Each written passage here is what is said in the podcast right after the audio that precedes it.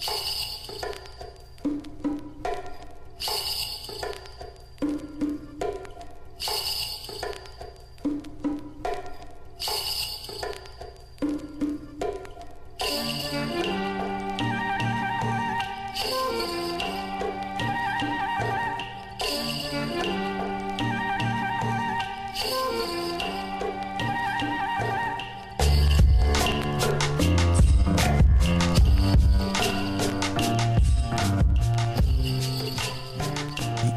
sumar munum við endurflytja fimm þætti um kýmverska tónlist sem Arþór Helgason gerði fyrir Ríkisútarfið fyrir um 20 árum síðan.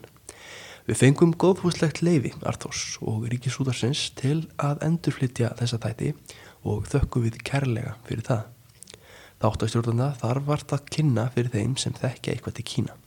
Arþór Helgason var snemma hugfóngin af kýmverski tónlist og án Eva má fulliða að hann sé sá Íslandíkur sem þekkir best til tónlistar þar austur frá. Það er því mikill fengur að því að geta endurflutt þættina hér. Eins og ég nefndi eru þættinir alls fimm talsins og annar þátturinn fer hér á eftir. Njótið vel.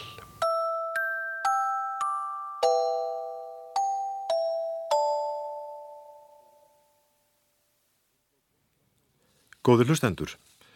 Eins og greint var frá í síðasta tætti hefur tangtímabilið sem stóð frá árunum 618 til 907 eftir Krist verið talið eitthvert mesta blómaskeið menningar og lista í Kína. Á þessum tíma sátu keisararnir í borginni Chang'an sem er narri borginni Xi'an þar sem er hinn frægi leirherr. Talið er að í löndum þeim sem kínverjar réðu hafi um þetta leiti verið um 50 miljónir í búa og í höfðborginni sjálfuri munu hafa búið talsvert á aðra miljón manna. Í lok sjöndu aldar var settur á stopn tónlistarháskóli í Síjan eða Tjangan og skiptist hann í nokkra deildir. Einna frægust var hinn svo kallað San-Tju deild en San-Tju tónlist var engum nótuð við aðtapnir við hirðina og sem skemmti tónlist. Hljóðfærarleikarar, söngbarar og dansarar fluttu þessa tónlist og þurftu þeir sem fengu ingöngu í hinn að keisarlegu hljómsveit að hafa lokið 15 ára tónlistanámi.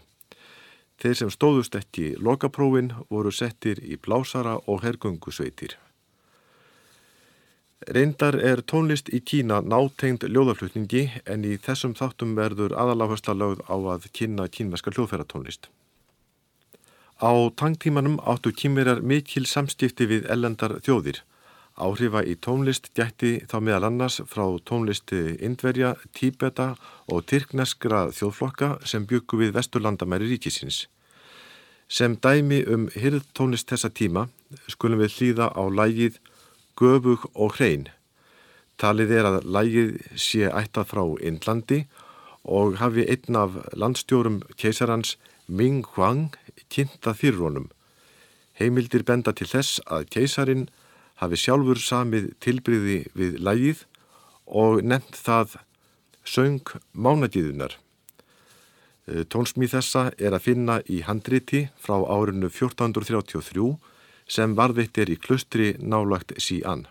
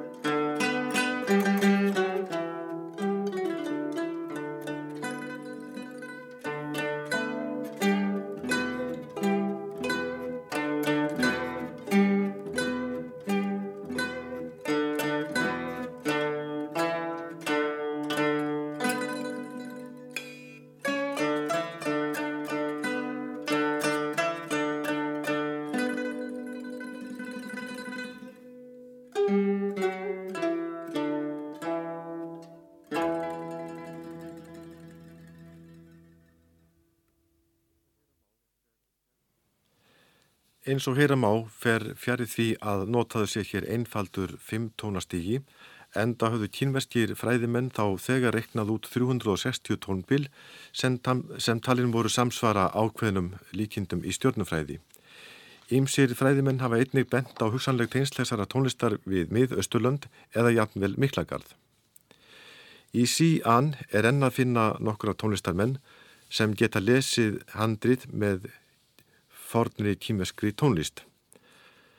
Ímsið uh, þeirra urða að fara í félur með þekkingu sína á meðan menningarbyltingin reyði yfir á árunum 1966 til 1976 en þá var skipulega unnið að því að eigðilegja sem mest af fornri tónlist.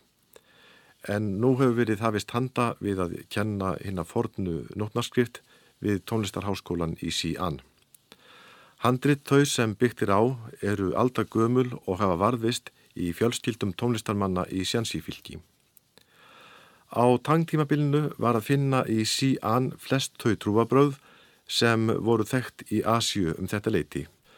Má þar nefna kristnatrú, íslam, gíðingdóm og bútisma sem hafði einna mest áhrif á kýmerja.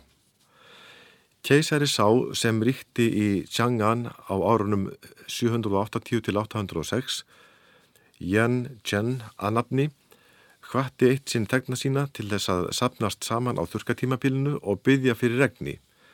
Þetta leti til þess að mikill fjöldi listamanna kom saman í skrúðgöngur og ímsar hljómsveitir leku tónlist sem tilheyrði hinnum ímsu trúarhópum. Sem dæmi um þau sönglög sem hafa varðist frá tangtímanum hlustum við næst á blóm hinna fjögra ástíða. Í hvæðinu er getið þeirra blóma sem tínd eru á mismunandi tímum ársins. Um leið er vitna til þjóðsagna um gæði búta og giðjunar Guan Yin en mildi hennar er meiri en nefnur stærð sjávarins og hún lætur eimdina vítja frá jörðinni. Tónlist þessi er gott dæmi um trúartónlisti bútista sem ennþá má heyra í norður Kína.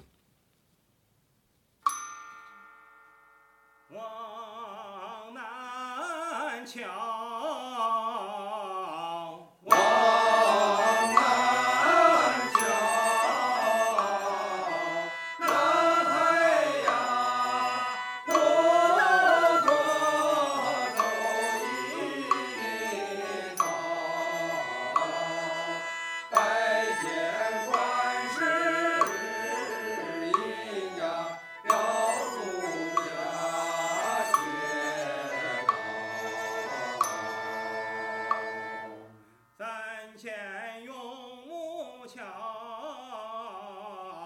三千。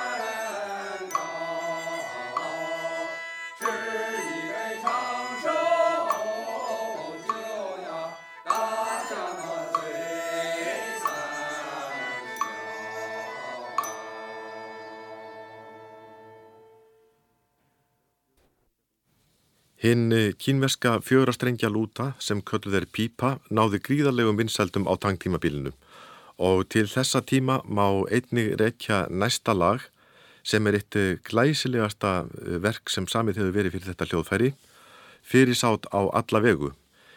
Hér er líst baráttu tveggja hersöðingja sem háðu orustu árið 202 fyrir Krist. Fyririldi segir söguna og má heyra vagnskröltið, vein stríðsesta og sverðaglammið í tónverkinu. Ljútu Hæ eh, leikur nú stitta útgáðu þessa verks. Eh, hljóritunum var gerð hjá Ríkisúttarpinu í september 1977.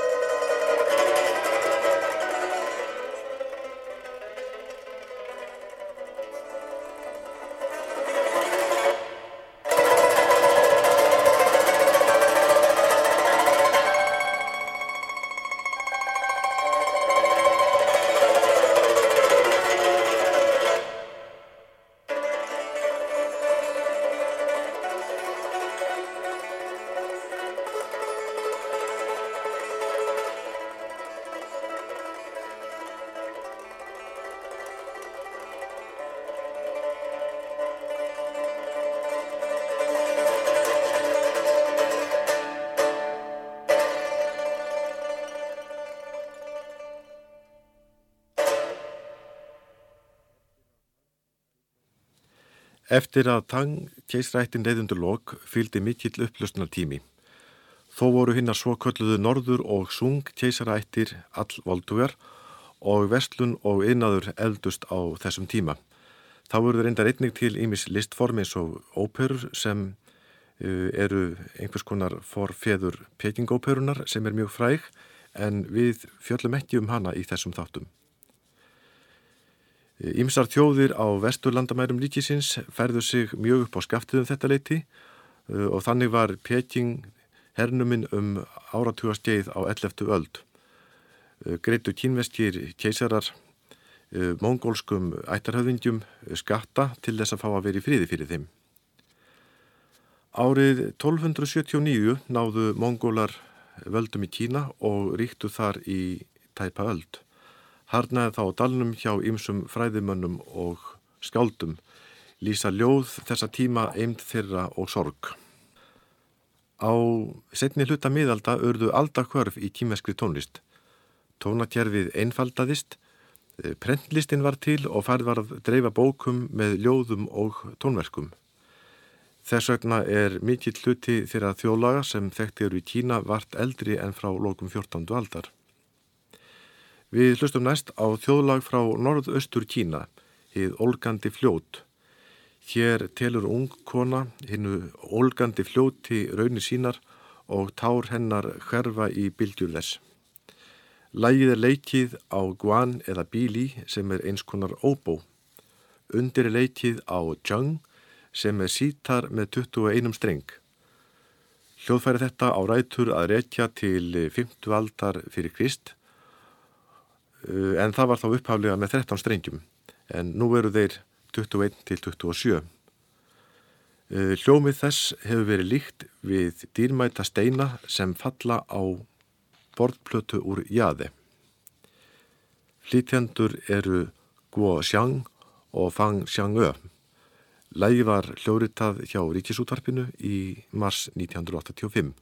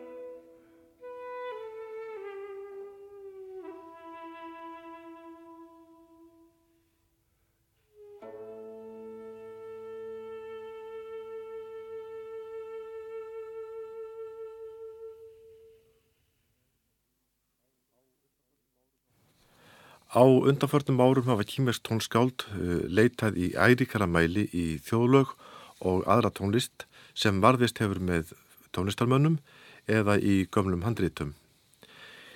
Nýlega fundust nótur að trúarlegri tónlist senbútista fyrir slagverk.